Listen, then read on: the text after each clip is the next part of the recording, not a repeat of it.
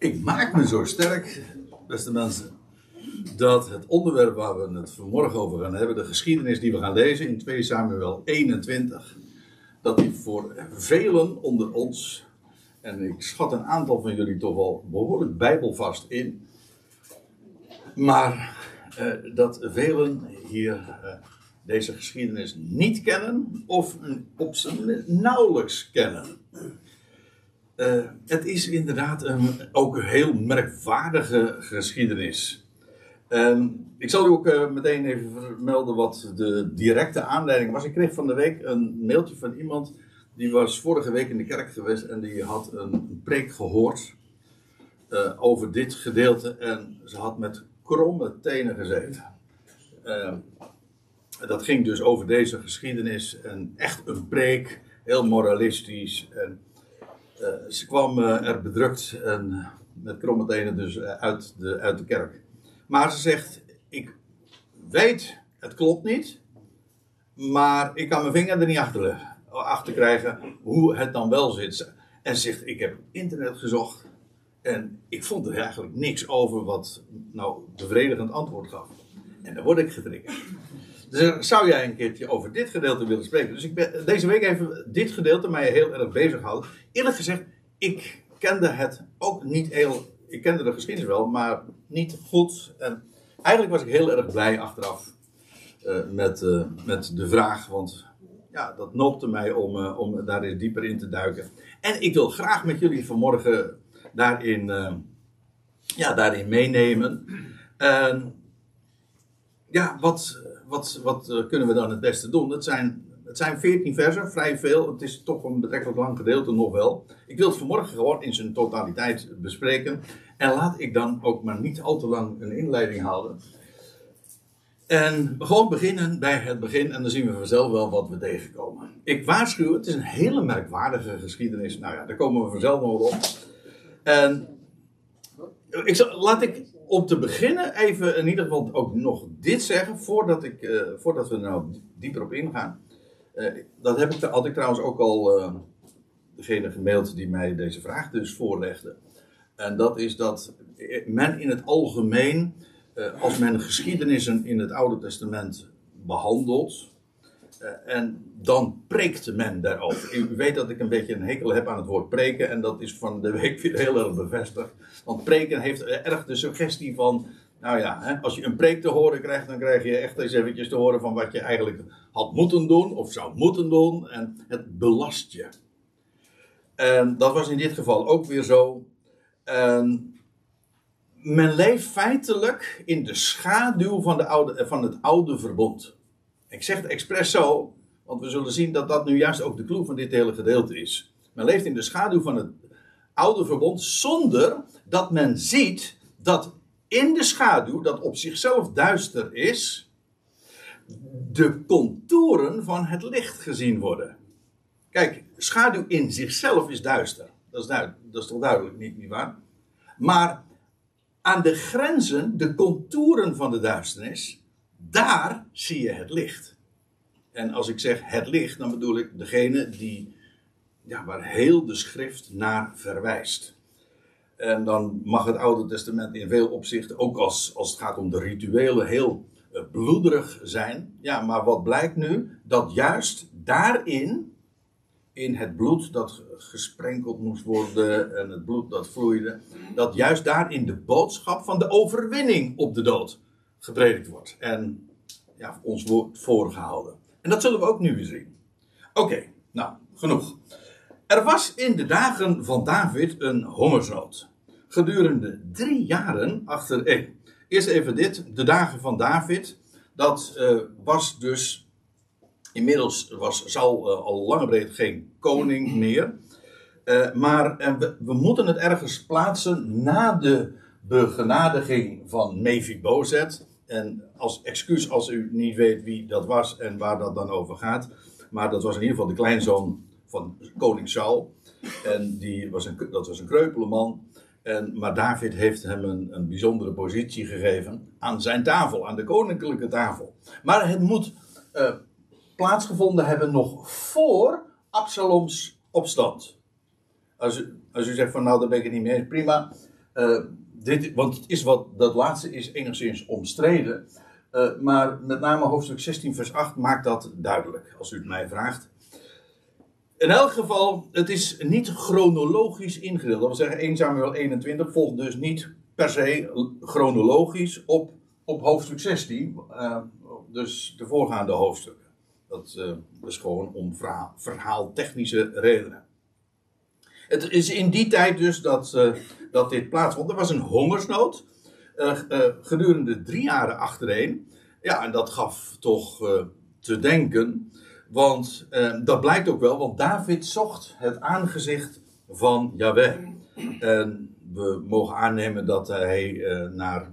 Ook dat is trouwens, ik heb expres maar een vraagteken erbij gezet. Want er staat niet bij hoe hij dat dan deed. Maar de meest voor de hand liggende manier is, zoals je dat ook elders in de boeken van Samuel leest, is dat, ze dat hij dan naar de hoge priester ging en met de efot, de urim en de tumim, uh, dat dan bepaald werd wat hier eigenlijk aan de hand was en de goddelijke sprake die daarvan uitging. Want voor David was het duidelijk, er moet hier sprake zijn van een vloek. Dat, is, dat, ja, dat was ook duidelijk toen, toen het volk van Israël het land binnentrok. Toen was ook hen de zegen en de vloek voorgehouden. En als het niet zou luisteren naar de, en, niet zou wandelen in de wegen van God, dan zouden allerlei onheil en vloek hen treffen. Onder andere ook hongersnood lees je. Dus, en als dit nu al drie jaren achtereen is, dan moet iets spelen. En David uh, heeft dat uh, ook onderkend en vandaar ook, hij zocht het aangezicht van Yahweh. En Yahweh zei, op Saul en op zijn huis rust een bloedschuld, omdat hij de Gibeonieten gedood heeft. En het is eigenaardig op zich dat dit hier wordt verhaald, of wordt medegedeeld. Maar de geschiedenis waar hier aan gerefereerd wordt, wordt in de Bijbel verder niet beschreven. Dat hij, uh, dat hij de Gibeonieten heeft gedood. Het wordt, het wordt hier gewoon vastgesteld dat, dat zal dat ooit en, uh, vanuit zijn, in, in zijn dynastie, in zijn koningschap, dat gedaan heeft. Er rust een bloedschuld omdat hij de Gibeonieten gedood heeft. En ik zal het uh, nog nader toelichten, want dat blijkt ook dan uit de rest van, dit, uh, van deze passage. Toen riep de koning de Gibeonieten en zei tot hen. En dan volgt er een, een, een passage of een vers dat tussen haakjes ook in onze vertaling bijstaat. Dat wil zeggen, het staat er echt, maar het is een tussenzin. Even een toelichting op de situatie. Wat is hier gaande? Dat is erg nuttig. Want dan staat er de Gibeonieten nu behoorden niet tot de Israëlieten, maar tot de rest van de Amorieten. De Amorieten, dat waren dus de mensen die daar uh, in Canaan woonden. Min of meer eigenlijk synoniem met de Canaanieten. Sorry. Zij woonden dus, dus al in, uh, in het land van Canaan. Het waren absoluut geen Israëlieten. En ja, het uh, Gibeonieten, dat zijn dus inwoners van Gibeon. Gibeon betekent trouwens heuvel, waarvan akte. En dat moet je dus hier plaatsen. Ik heb eventjes een, een, plaatje van het internet geplukt, waarbij je dat dan ook hier ziet. Hier heb je Jeruzalem en vlak daarboven, dus helemaal niet zo uh, veel kilometers daarvan verwijderd, daar heb je Gibeon. En dan staat er nog bij, en ofschoon de Israëlieten hun een eed hadden gedaan. Ja, want dat lees je dan weer wel in de Bijbel. Namelijk in Joshua 9. Een, een heel hoofdstuk, sterker nog, eigenlijk nog een hoofdstuk daar, uh, daarop volgend, hoofdstuk 10, wordt dat ook beschreven. Is namelijk een hele, hele gedoe is daar nog om. Want er heeft nog zelfs een hele oorlog plaatsgevonden. De Gibeonieten waren dus Canaanieten. Hadden in feite dus ook verdreven en uitgeroeid moeten worden. Toen, uh, uh, toen Israël in het land binnentrok. Maar er was een slimme truc, eigenlijk ook een leugenachtige truc, door de Gibeonieten uitgehaald. Maar in ieder geval, Joshua had hen beloofd en onder Ede ook gezworen, een verbond met hen gesloten, dat de Gibeonieten in leven gehouden zouden worden. Dus, hoewel het geen Israëlieten waren, ze konden nergens aanspraak op maken, hen was beloofd dat hen niet zou worden aangedaan. En dus onder Ede was daar, onder, bij Jozua, hoop dat u ook even dubbelzinnig luistert. Joshua, is dezelfde naam als de naam van Jezus. Uh, daar was deze eed gezworen. En daar waren trouwens de anderen, uh, niet het helemaal niet mee eens. En die zijn gaan strijden tegen, de Gibeoni, tegen Israël vanwege dat, die hele kwestie. En toen kreeg je die merkwaardige geschiedenis.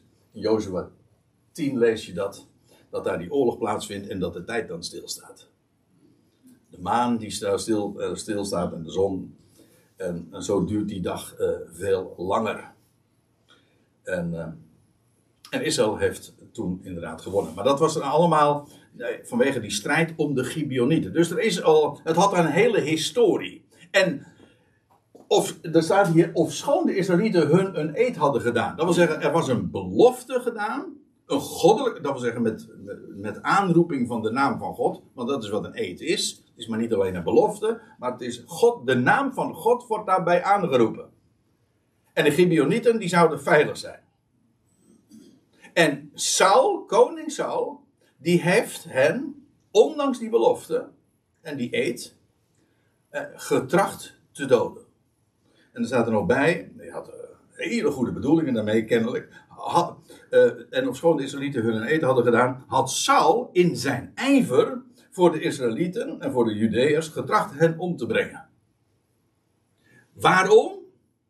Weten we niet. Hoe dat is gegaan, weten we ook niet. We weten alleen dat het zo gegaan is. Saul heeft, ondanks die eed, hij heeft zich dus niet gehouden aan de, aan, de, aan de belofte die aan hen was gegeven, had hij geprobeerd hen om te brengen.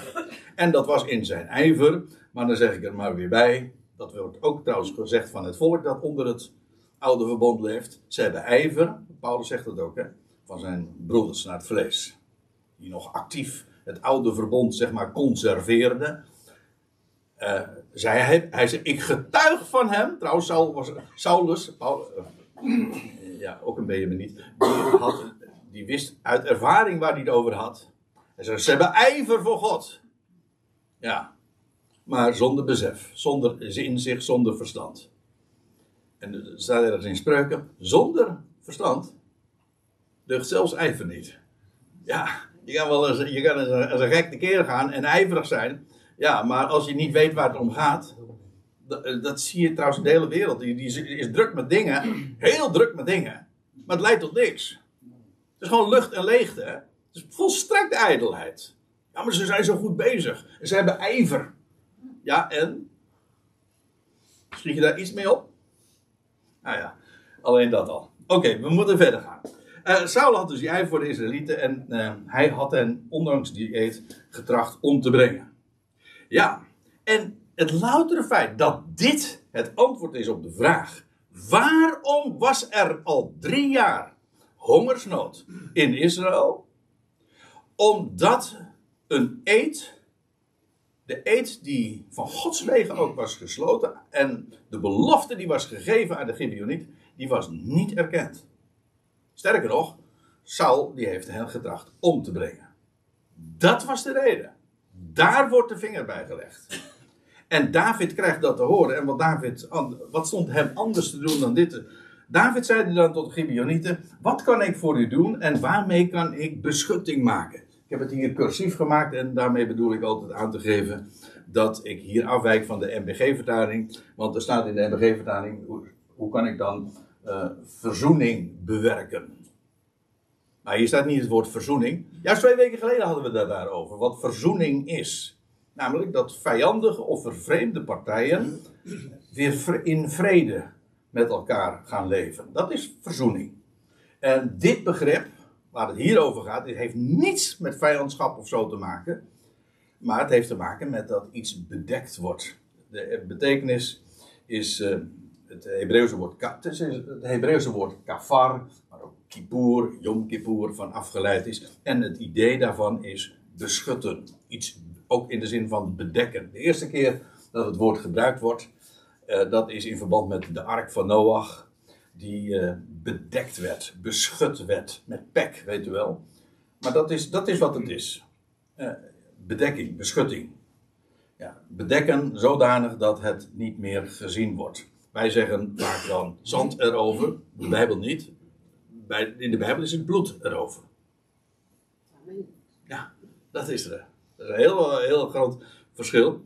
En waarom? Dat de, eh, dit, heb, dit heb je dus precies wat ik zojuist al eh, bij de aanvang even bedoelde te zeggen, is bloed erover, dan denk je meteen aan dood. Ja, maar in de Bijbel gaat het juist over wat er na de bloedstorting gebeurt. Want dan, na de bloedstorting, vindt pas het offer plaats. En die opstijging. Nou, ik zeg het maar eventjes. Maar uh, dat is belangrijk genoeg. Maar we zullen het straks ook vanzelf gaan zien. Uh, David zei dan tot de Gibeonieten: Wat kan ik voor u doen en waarmee kan ik beschutting maken? En opdat gij het erfdeel van Yahweh zegent. hey, uh, er zijn de wildste theorieën heb ik hierover nu gelezen. Uh, over wat dit zou betekenen. En, maar ik vond het heel vreemd, terwijl de betekenis heel voor de hand liggend is. De zegen, die werd nu aan Israël tegengehouden. Ja, vanwege de gebroken eed aan de Gibeonieten. Dat is wat er gezegd wordt. Daarom kreeg Israël geen zegen. Of u zegt uh, geen regen. Maar dat is wat er van de hemel stroomt en wat vruchtbaarheid geeft. Dus in feite zijn dat ook min of meer synonieme begrippen. De alle zegen komt van boven, nietwaar? Dat weten wij als Nederlanders maar al te goed. Uh, maar dat betekent dus ook dat, uh, waarmee kan ik beschutting maken? Zodanig dat het erfdeel van Yahweh, dat wil zeggen het land en het volk van Israël, weer zegen krijgt. Er was een blokkade, dus. Nou, en de blokkade is de verbroken eed, het verbroken verbond, dat, uh, waar het huis van Saul, de, de, dynastie van Saul, zich schuldig aan had gemaakt. Toen zeiden de Gibeonieten tot, tot hem, tot, uh, tot David dus. Ja, het gaat ons in de zaak met Saul en zijn huis niet om zilver of goud. Dat wil zeggen, geld, uh, dat is niet de, de, de, oplossing. En het onrecht kan niet daarmee worden goed gemaakt. En ze zeggen er nog iets bij, en het staat niet aan ons iemand in Israël te doden. Ze realiseert zich heel duidelijk ook: wij zijn geen Israëlieten, wij zijn hier feitelijk ook bijwoners. En dus het was niet hun recht om, eh, om zelf, en dat, is, dat pleit ook voor de Gibeonieten, het feit dat ze niet het recht in eigen hand hebben genomen. Ze zegt dat gaat ons niet aan. Het gaat ook niet om geld of, of zilver of goud. Nee, uh, er zal een andere wijze, zal er recht moeten worden gedaan. Uh, nou ja, en dan zegt David, maar, maar hij, wat, en David zeide, wat verlangt gij dat ik voor u doen zal? En daarop zeiden zij tot de koning, de man die ons wilde vernietigen, en die het erop toelegde ons te verdelgen, zodat wij nergens in het gebied van Israël zouden kunnen voortbestaan. Ja, en over de man, ja, dat is uiteraard hier Zal. En die vervolgde Gibeon ten dode. Dat is wat zij feitelijk zeggen. Maar ik hoop dat u nu ook meteen weer even heel dubbelzinnig wil, luistert. En zegt, hé, hey, ik ken een andere Zal ook uit het huis van David. Uh, uit het huis, nee, uit het geslacht, het stam van Benjamin. En die vervolgde, ja, niet de Gibeonieten, maar die vervolgde de Ecclesia. Ten dode. En die trachtte hen te verdelgen. Uh, maar de Ecclesia staat in het algemeen in de Bijbel gewoon voor, dat, voor een dwaas volk, bovendien heidens. Ja, en het was nu juist Saul, die die Ecclesia vervolgde. Ik hoop, ik, ik ga straks de, lijntjes bij elkaar brengen, maar dat doen we dat aan het eind. Maar ik wil, ik wil nu alvast erop wijzen op bepaalde parallellen die gewoon voor, voor het oprapen liggen.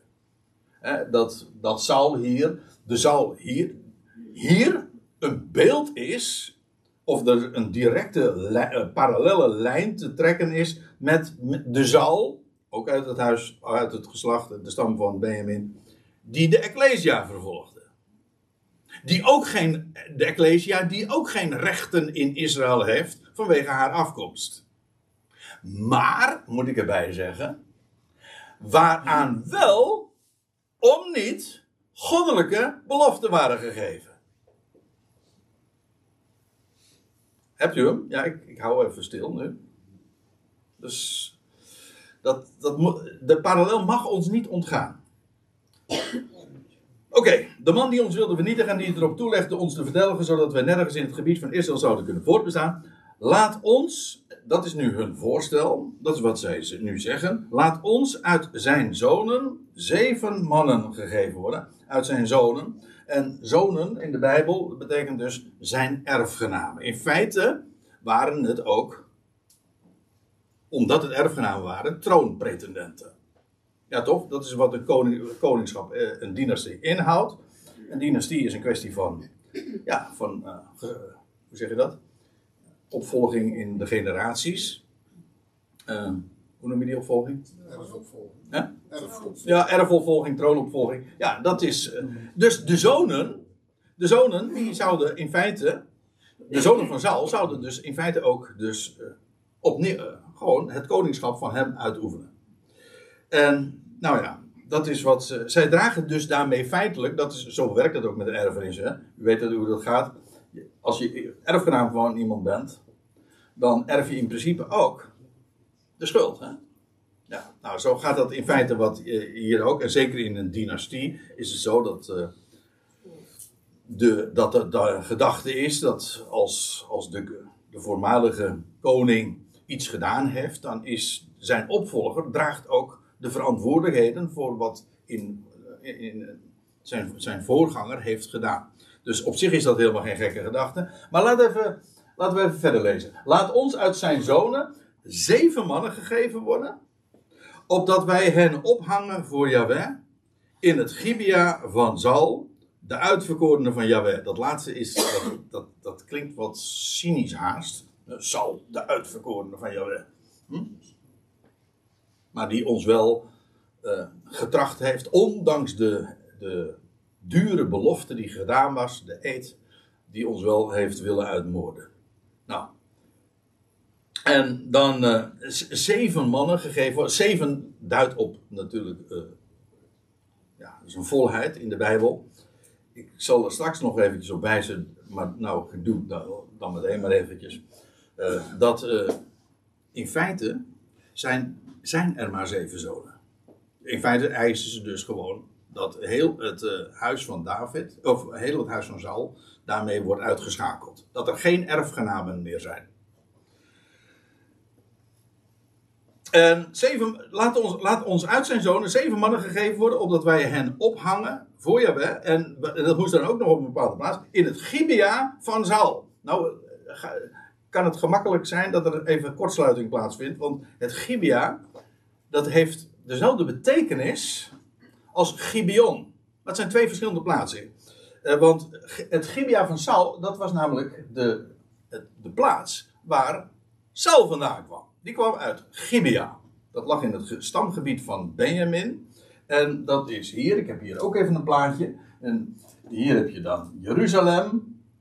En uh, allerlei andere plaatsen die in het Oude Testament een rol spelen. En dan heb je hier Gibea, dat gebied waar Sal dus vandaan kwam. En hier heb je Gibeon, dat lag dus vlak bij elkaar. Ik zei al, Gibeon, of Gibea, het is afgeleid van het woord voor heuvel. Een, in feite een verhoging.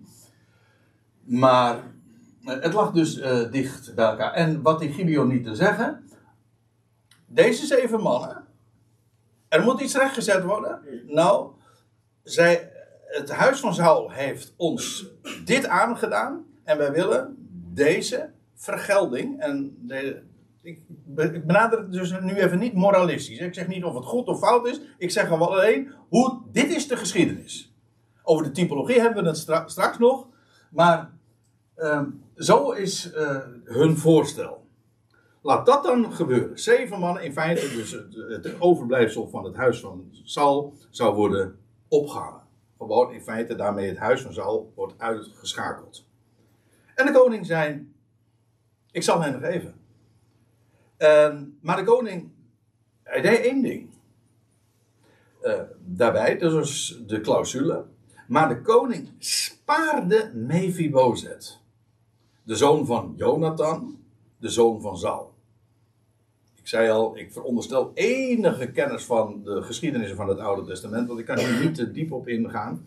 Want Mephibozet, dat was de zoon dus van Jonathan, zoon van Saul. Uh, ja, die was begenadigd. Die had, ah, David heeft ook Mephibozet veilig. Ook was een eedswering. Dat, daarvan lees je in, in, in 2 Samuel 9, een hele passage. Later lees je trouwens daar nog een keer over. Over dat deze Mephibozet uh, bevoorrecht wordt. En onder Ede, een deze belofte was aan Mephibozet gegeven. Er zou hem niets gebeuren. Dus David kon daar ook niet onderuit. Dus als die Gibeonieten zeggen zeven man. Ja, maar hij zegt dat wordt in ieder geval moet uh, Mephibozet moet daarvan zijn uitgesloten. Ja, dat staat er ook bij. Uh, de zoon van Jonathan, de zoon van Saul, vanwege de eed. De eed bij Yahweh, als God een belofte doet en ook een, een goddelijke belofte gedaan wordt, ja, dan, dan kan daar, dat kan niet verbroken worden. Je ziet hoe ernstig dat ook in feite is, wat Saul gedaan had. Die had een, de eed die aan de Gibeonieten gedaan was, verbroken. En dat wordt zo zwaar aangerekend dat er drie jaar lang hongersnood daar was dus. Oké, vanwege de eed bij Jahweh die hen, David en, uh, en Jonathan, de zoon van Saul, verbond. U weet, David en Jonathan, dat was, uh, dat was een zeer innige vriendschap die die beiden hadden. Toen nam de koning, en dit, ja, nu gaat er actie gebeuren, uh, plaatsvinden. Toen nam de koning de beide zonen van Rispa, de dochter van Aya, die zij zal gebaard had. In feite dus twee uh, zonen van, van Zal zelf dus. En deze dame, deze Rispa, later komen we er nog uh, weer tegen, was een, een van de bijvrouwen, of nou ja, ik weet niet of het helemaal goed zeg, in ieder geval, ja, dat ging daar. Uh, u weet dat, hoe dat bij koningen ging. Een koning mocht niet vele vrouwen hebben, daar hebben we nog niet zo lang geleden over gehad. Uh, maar uh, Saul had een bijvrouw en die ene was dus Rispa. En die had twee zonen. En die heten Armoni en Mephibozet. Ja, nou wordt het even ingewikkeld. Want u zegt, eh, wacht even, maar... Ja, maar deze Mephibozet is een andere. Is een andere dan uit het voorgaande vers. Hij had dus dezelfde naam als zijn oom zeggen. Dat is helemaal niet zo vreemd trouwens hoor. toch? Als, je dezelfde, als, als een, een naam in een, in een familie nogal dominant is. In onze familie is de, dat de naam Dirk, nietwaar? Ja, een hele, dat is een hele dominante uh, lui, uh, namen. Bedoel. ja. En Piet ook trouwens. maar ja, goed, dat, dat, is, dat weer wat anders. Uh, maar goed, dat is een beetje ingewikkeld. Dus deze, uh, deze Meverbozen, dit was. Uh, hij droeg dezelfde naam als zijn oom zeggen. Die was. dat was die zoon van Jonathan dus. En staat er dan. Dus de twee zonen van die Rispa. Dat waren dus echt lijfelijke zonen van, van Saul. En de vijf zonen van Merab. Was ook een vrouw. dus dat was een vrouw van. Oh, wacht, nee, dat, sorry, nou moet ik het goed zeggen dat het de dochter van Saul, die zij Adriel, de zoon van de, Melo, de gebaard had. Nou, die namen laten we nu allemaal even voor wat ze zijn. De, de clue is uh, een duidelijke. Dat die, die Merab, die we ook in 1 Samuel 18 tegenkomen. Uh, dat, ja, dat was de dochter. En dus die vijf zonen zijn kleinzonen van Saul. Dus aan de ene kant heb je dus de twee zonen, die ik zojuist noemde. En je hebt hier de vijf, vijf kleinzonen van, van Saul. En, ja, en dan, dan lees je. En eh, die zeven, die, deze zeven zonen, gaf hen over aan de Gibeonieten. Ja, en dan ga ik iets vertellen wat ik al zojuist al eventjes aangaf.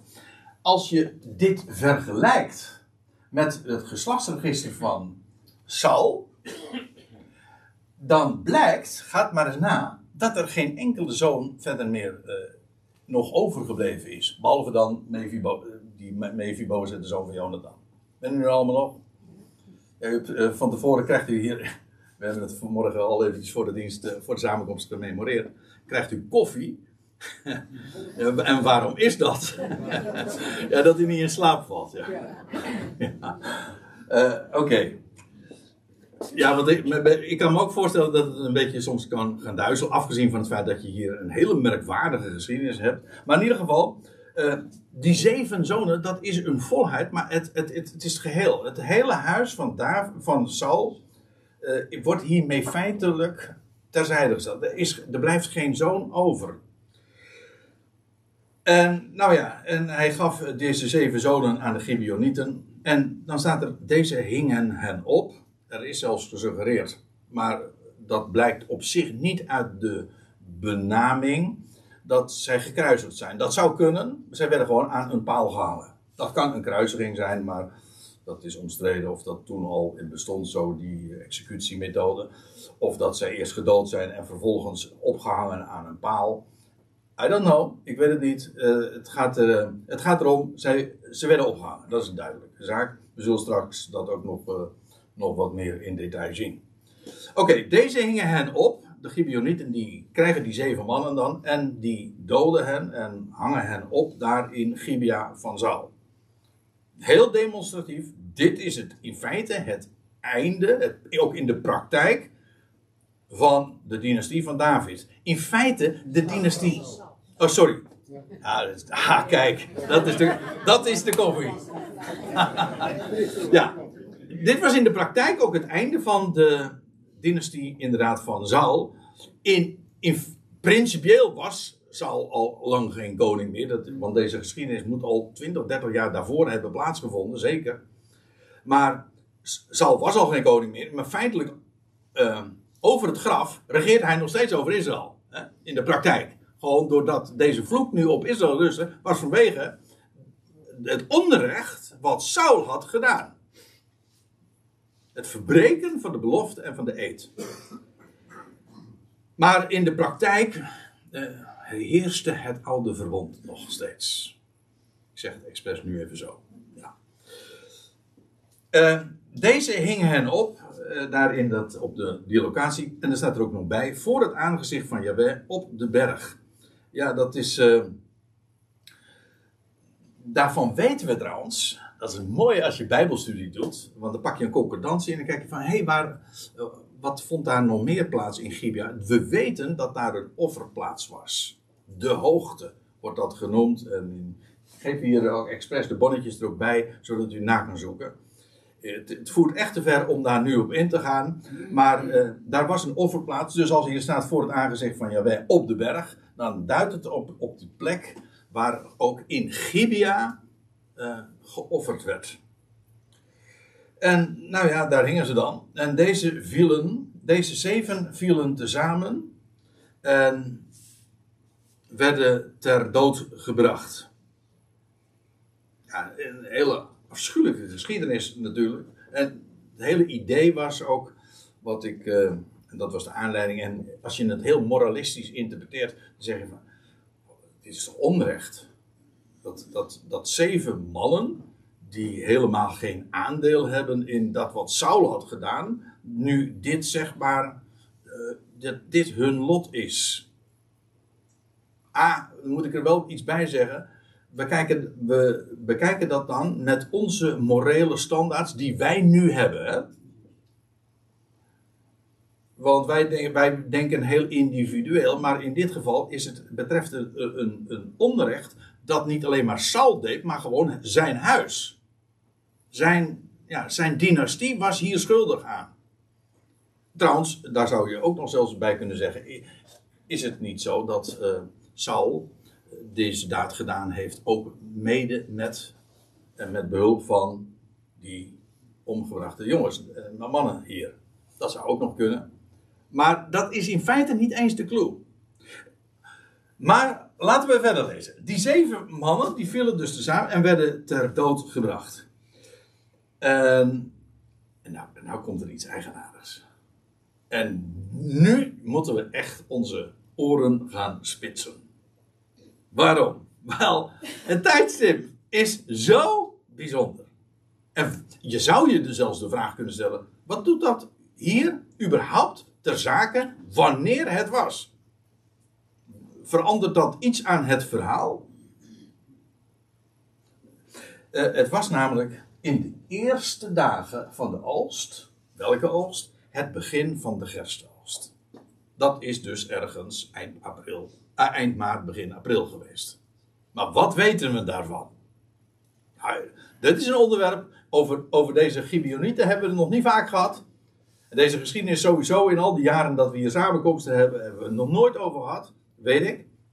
Maar over het begin van de gerstenoogst, ja, daar hebben we het vaak over gehad. En dat wordt nogal eens een keer genoemd in de Bijbel. Het, de aanvang van de gerstenoogst, want, want dat heeft ook een officieel begin, de eerste dag, daags na de Sabbat. Je leest dat al in Leviticus 23. Het is de dag, lieve mensen, dat de Heer Jezus Christus ooit uit het graf verrees. En bij het officiële begin van de gerstenoogst, als die eersteling dan naar de priester gebracht werd en bewogen werd voor het aangezicht van Yahweh. Nou, op die dag, op die dag, bij het officiële begin van de gerstenoogst, dat was de dag dat de Heer Jezus Christus als eersteling verrees. De eersteling van de gerstenoogst werd bewogen en de eersteling uit de doden, ja, die bewoog ook.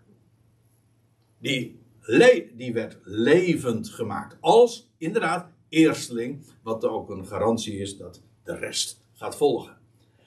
Deze datering, want dat is wat het is, is zo markant. En ineens zien we hier bij bloederigheid, hè, ik bedoel, er worden hier mannen opgehangen aan een hout. En tegelijkertijd, we zien hier aan de ene kant dus de dood, Mensen die opgehangen worden. En tegelijkertijd zien we hier het licht van het begin van de gerstenoogst. Nieuw leven. De opstanding van Jezus Christus. Dat wordt in feite hier. De opstanding van Jezus Christus wordt hier niet natuurlijk expliciet genoemd. Nee, maar de datering zou ons te denken geven. Dat, dat, is, dat is juist om ons daarbij te bepalen. Het zijn schatten, het zijn rijkdommen die onder de oppervlakte liggen maar hoe markant. En ja, dan krijg je nog een hele merkwaardige scène eigenlijk in deze geschiedenis. Want wat er dan gebeurt, er, was, wordt dus gezegd van ze werden te dood gebracht, ze werden opgehangen. En ook, eh, we weten waar het was. We weten ook nu wanneer of in welke tijdsperiode van het jaar het was. Dus, dus met Pesach. Toen nam Rispa, vers 10, waar we het al zojuist over hadden, de dochter van Aya, een stuk grove stof. Eigenlijk, uh, dit woord wordt meestal vertaald met een rouwgewaad. Waarom dat hier niet gedaan is, weet ik niet. Maar goed, dan wijs ik er maar even op. En dan, dan begrijp je ook meteen waar het om gaat. Want ja, waarom denkt u dat uh, Rispa dit heeft gedaan? haar beide zonen, die hingen daar. En, en dan, er staat nog bij, zij, uh, zij, zij nam dat, dat rouwgewaad. Hoe we dat, uh, het, was, het wordt trouwens ook elders vertaald met een zak. En dat is, niet, dat is niet zo gek, want je leest ook dat dat een teken van rouw was. We hadden het net even over hoe, hoe morele oordelen zo in de loop van de tijd kunnen verschuiven. Maar ook als het gaat om gebruiken, laten we wel wezen. Ja, wij, eh, als wij in rouw zijn, dan, dan, dan gaan we niet in, in zak en as. Oh ja, dat was ook nog zoiets. Maar eh, toen de tijd wel. Ja. En, en hier wordt een, eh, die rispa, die neemt een, die, dat rouwgewaad en spreidt het voor zich uit op de rots. Dus gesuggereerd van dat ze daar sliep ook. En, en, oh, maar goed, dat weet ik niet. Dat staat, er ook niet. Dus laten we dat soort uh, suggesties maar eventjes terzijde. Ze spreiden het voor zich uit op de rots. Vanaf het begin van de oogst. Weer wordt erop gewezen. Toen vond plaats. Tot er water van de hemel op hen neerstroomde. Hoe lang die periode is geweest, weet ik niet. Maar wat hier in feite eh, vooral daarin benadrukt wordt, is dat deze Rispa in rouw is, ja. Maar ze weet ook dat, uh, nu, uh, dat nu er recht is gedaan aan de belofte aan de Gibeonieten. Want dat is wat er gebeurde. De Gibeonieten, wa- eh, hen was onrecht aangedaan. En die ze- hebben gezegd. En zij hadden gezegd: Dit is vereffend wanneer dit plaatsvindt. Het, het recht zijn loop zal hebben gedaan. En deze Rispa weet ook, die doet dat, die, dat rouwgewaad spreidt ze uit. En dan staat er, eh, ja, vanaf het begin van de oost, dus vanaf het moment dat die ophanging daar plaatsvond, totdat er water van de hemel op en neer staat. Zij wist ook, daar gaat nu weer, er was wel hongersnood, er viel geen regen. Twee zijn altijd aan elkaar gekoppeld, logischerwijs. Maar eh, ze wist, dat gaat er weer komen. Dus het is in feite ook een daad van geloof. En trouwens, ik denk ook van protest. Want er staat namelijk nog iets bij, dat moet ik er ook even bij eh, vermelden. En zij liet overdag eh, het gevogelte van de hemel niet toe op en neer te zetten, nog het gedierte des velds bij nacht. Dus zij is daar de hele tijd bij geweest. Ze heeft daar een rouwgewaad demonstratief op die rots daar gelegd. En de, niet alleen de lijken van haar eigen zonen, maar ook van al die zeven man, heeft ze daar beschermd. Ehm, want ze wilde niet dat, dat daar eh, de vogels, de roofvogels of eh, roofgediertes eh, overdag zich meester zouden maken over deze lijken. En u moet, dat, dat moet ik erbij zeggen. Dit was in feite ook echt protest van haar. Want wat zij, en terecht, want hoe was het de wetgeving hierover? Dat een gehangene moest dezelfde dag nog begraven worden. Dat lees je ehm, in, in Deuteronomium 21. Vervloekt is een ieder die aan het hout hangt, lees je dan. Maar er staat erbij dat eh, dezelfde dag nog zou de begrafenis plaatsvinden. Het loutere feit dat deze lijken daar aan dat hout blijven hangen, dat was onrecht. Dat was tegen de instructies die God had gegeven. Dat was ook gewoon ook de eerbied voor het lichaam. Ja, een, een lichaam hoort begraven te worden. En dat is eh. In, in de Bijbel zie je dat eh, heel sterk. Dat is een, geweldige gedachte. Maar wij spreken dan over eh, het stoffelijk overschot. Dat doet de Bijbel nooit. Het lichaam, dat is. het lichaam is waar God mee verder gaat. En het is. Natuurlijk, God weet het. Ook al is het verbrand, al is het nergens meer. God weet de doden echt wel weer te vinden. Dat is, dat punt niet. Maar door te begraven, beeld je ook uit. Ja, het is een daad van zaaien. Je zaait het in de aarde met de verwachting. God gaat op zijn tijd daar nieuw leven uit voortbrengen. Dus begraven is een daad van geloof. Je zaait het in de aarde in de, zoals met dezelfde verwachting als die een boer ook heeft als hij zaad in de, in de, aarde, in de akker stopt. Het, daar komt op Gods tijd nieuw leven uit voort. Nou ja, hoe, de- hoe dan ook, zij wil niet hebben dat dat gebeurt. En dat realiseert David zich ook. Want dan staat er toen aan David werd meegedeeld wat Rispa, de dochter van Aja, de bijvrouw van Zal, gedaan had. En dat was geloof. Want eh, Rispa wilde beslist niet dat er iets met die lijken zou gebeuren. Dan kun je zeggen, dat was piëteit naar de eigen zoon en zo. Natuurlijk. Maar nu David dit vernam, dan lees je dat hij dit doet. Toen ging David heen. Hij haalde bij de burgers van Jabes in Gilead. Ja, nou komt er weer eventjes iets anders eh, nog bij. Want eh, Jabes in, Is, eh, in Gilead, dat ligt in het noorden van Israël. Hier heb je Jabes in het gebied van Gilead. En dan heb je hier Betsan. En heb je hier Gilboa. Dat is een, berg of het gebergte van Gilboa. Allemaal eigenlijk vlakbij Nazareth ook en zo. Maar eh, dat is namelijk het verhaal. Nou, laten we het gewoon maar lezen. Toen eh, David ging heen, haalde bij de burgers van Jabes in Gilead de beenderen van Saul en zijn zoon Jonathan vandaan. Die zij heimelijk, dat wil zeggen verborgen, van het plein in Betsan hadden weggenomen waar de Filistijnen hen hadden opgehangen. Dus nog eventjes terug. Hier waren de, lijk, de, de, de mannen van Jabes, die hadden de lijken uit Betsan gehaald. En waarom? Nou, die, die mannen van Betsan die hadden namelijk demonstratief de lijken van Saul en Jonathan aan de muur gehangen en op het plein neergelegd. Whatever, je leest het ook beschreven. In ieder geval. Ehm, maar zij hebben dat toen weer uh, rechtgezet, of in ieder geval, zij hebben toen een begrafenis gegeven aan de beenderen van, uh, van Jonathan en Saul. Maar David doet nog iets meer.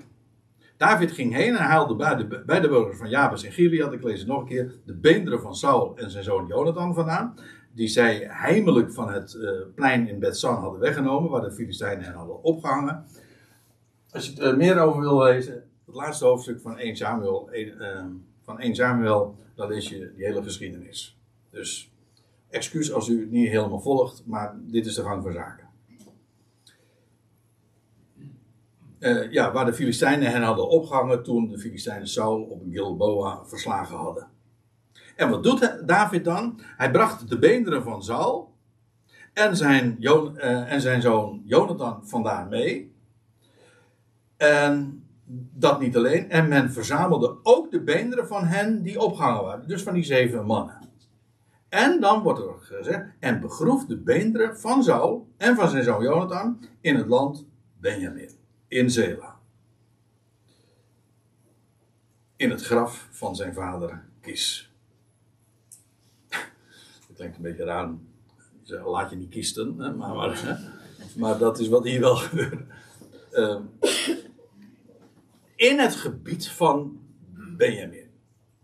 Dat is waar God zijn uh, beloften aan had gegeven. Want het huis van Saul, we hoorden, maakte, uh, maakte deel uit van de stam van Benjamin. En mensen werden begraven in hun eigen stamgebied. Ook in feite een daad van geloof. Want God had zijn belofte gegeven. En ook over de dood heen. Straks in het Messiaanse Rijk. Ooit zouden ze daar weer hun plek krijgen eventueel van de hemelse zijde, maar in ieder geval, het was een daad van geloof. Dus zo maakt David dat uh, dan alsnog goed, na die daad van Rispa. En dan lees je in het laatste, zo uh, eindigt de geschiedenis dan. En men deed alles wat de koning had geboden.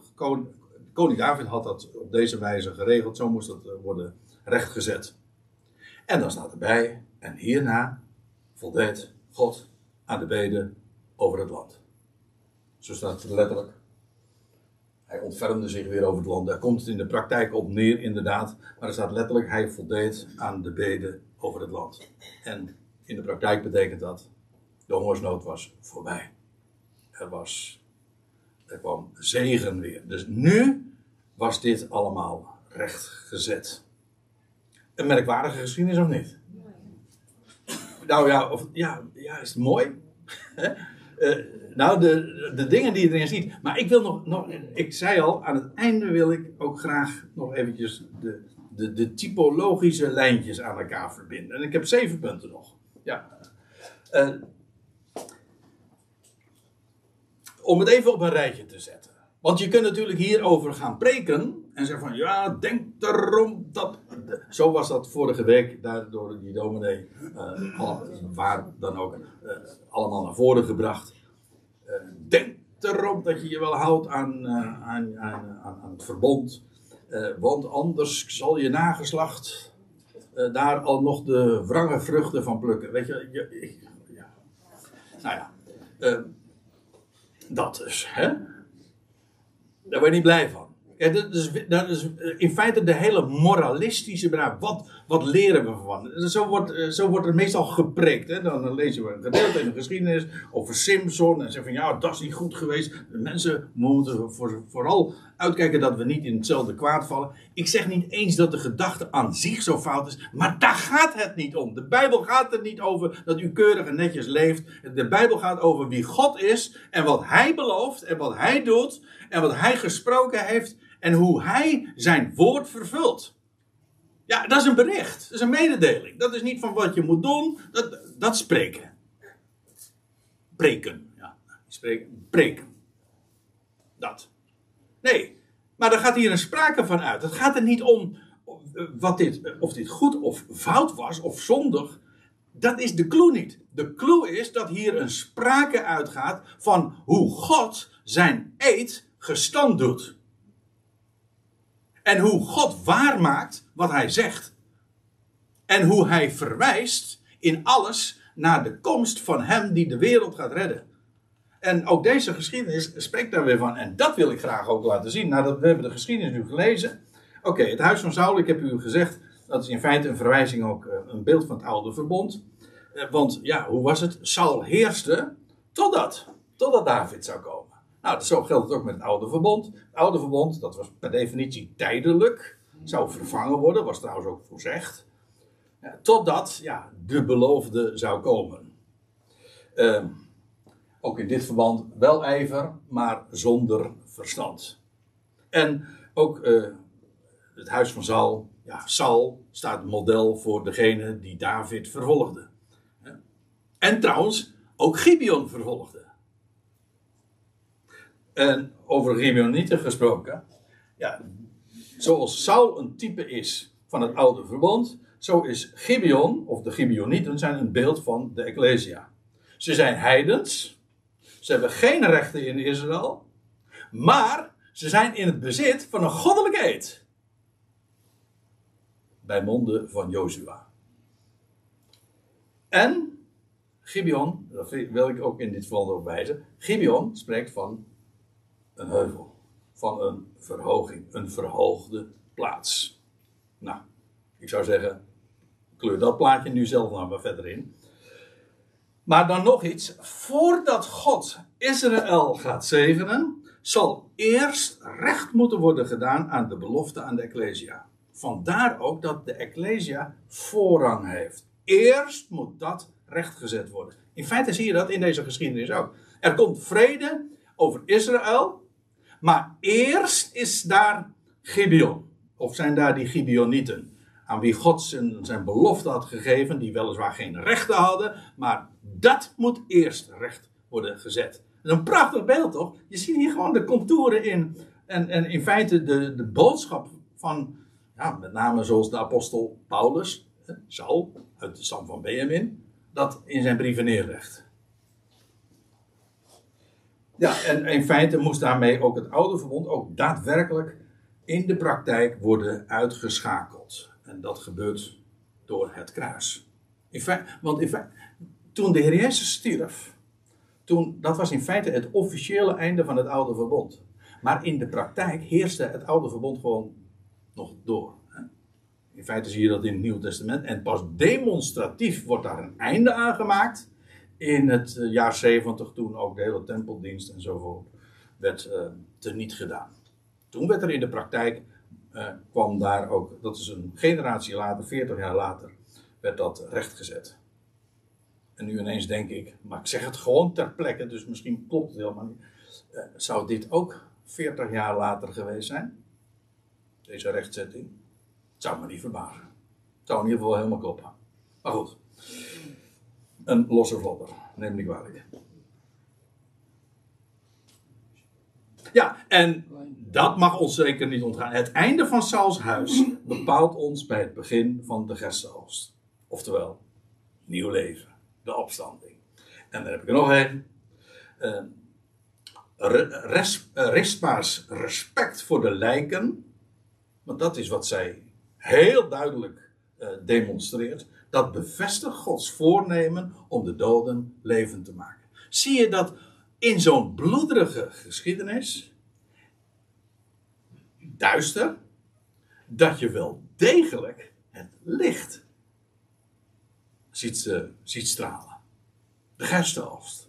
Maar ook uh, de, hoe, die, die, de, de eerbied voor lijken. Ja, waarom? Ja, omdat voor God het, het lichaam maar geen stoffelijk overschot is. En dat brengt ons dan ook meteen bij het laatste. David erkent ook de waarde van de plaats van het begraven.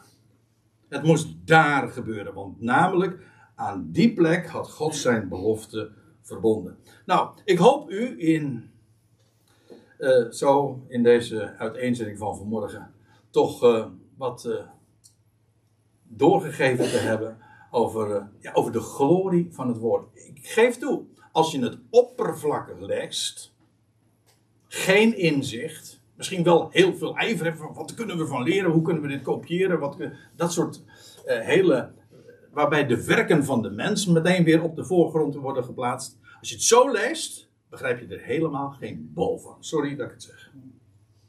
Je snapt het pas wanneer je, laat, wanneer je gaat onderkennen dat God hier een sprake van doet uitgaan. En dat het getuigt van wie hij is en hoe hij zijn belofte gaat vervullen. Ja, en dan zie je eh, geweldige, geweldige dingen in zo'n eh, geweldige zo'n eh, zo'n geschiedenis waarvan je in eerste instantie denkt, waarom zou dat in de Bijbel staan? Ga maar onder op de oppervlakte zoeken, dan kom je altijd zoveel goud tegen. Dit is ook maar een voorbeeld daarvan. Zullen we hier daarbij dan maar laten voor vanmorgen?